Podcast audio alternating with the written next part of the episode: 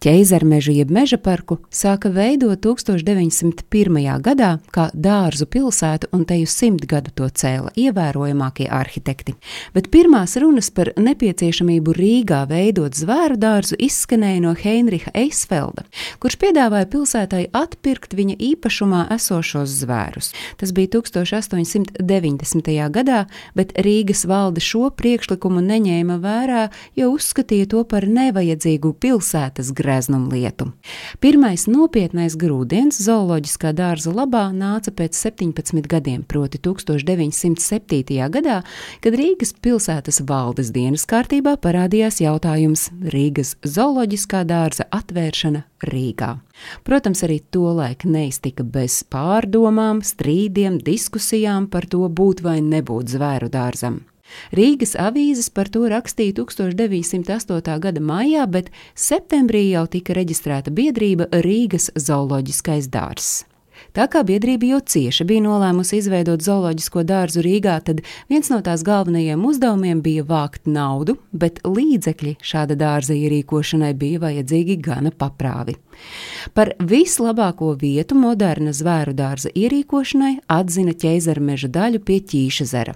Kā tolaik rakstīja avīzē, uzkalni te mijas ar ielām, ķīša zars te tālumā saplūst kopā ar apvārsni, iespējams arī kustoņos uzturēt dzīves prieku.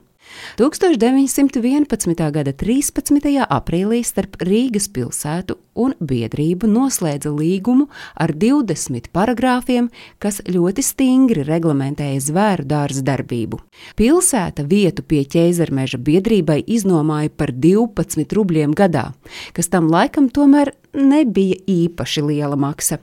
Biedrības pienākums bija sākt reālu darbu zooloģiskā dārza ierīkošanai, turklāt dodot laiku divus gadus, lai atvērtu to publikai, bet piecus gadus, lai nodrošinātu vismaz 75 dažādas zvēru sugas.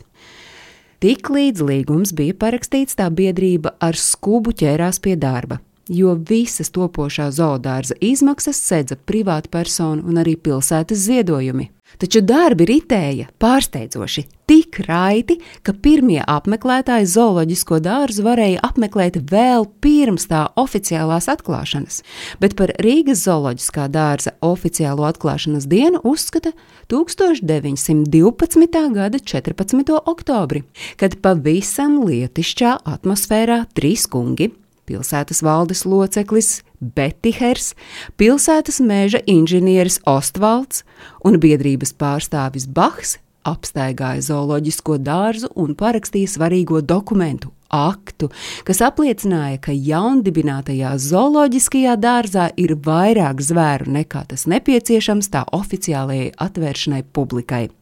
Tolaik Rīgas zooloģiskajā dārzā dzīvoja 267 dzīvnieki, kurus aprūpēja 23 darbinieki. Pavisam bija 88 dzīvnieku sugas, pārsvarā gan no mērenās joslas. To pārstāvja brieži, lapsas, vilki, plēsīgie putni, bet, protams, bija arī kas eksotiskāks - lauvas, papagaļi un tie tad patiesībā, kā arī pērtiķi, izpelnījās vislielāko rīznieku uzmanību.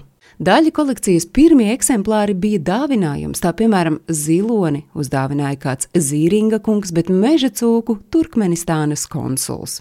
Visas zooloģiskā dārza ēkas projektējas arhitekts Zeiberlis, tostarp ieejas vārtus, kas joprojām kalpo kā Rīgas zooloģiskā dārza atpazīšanas zīme un ļauj mums atpazīt zoodārzu pat vissenākajās pastkartēs un fotografijās, stāstīja Agnese Drunka.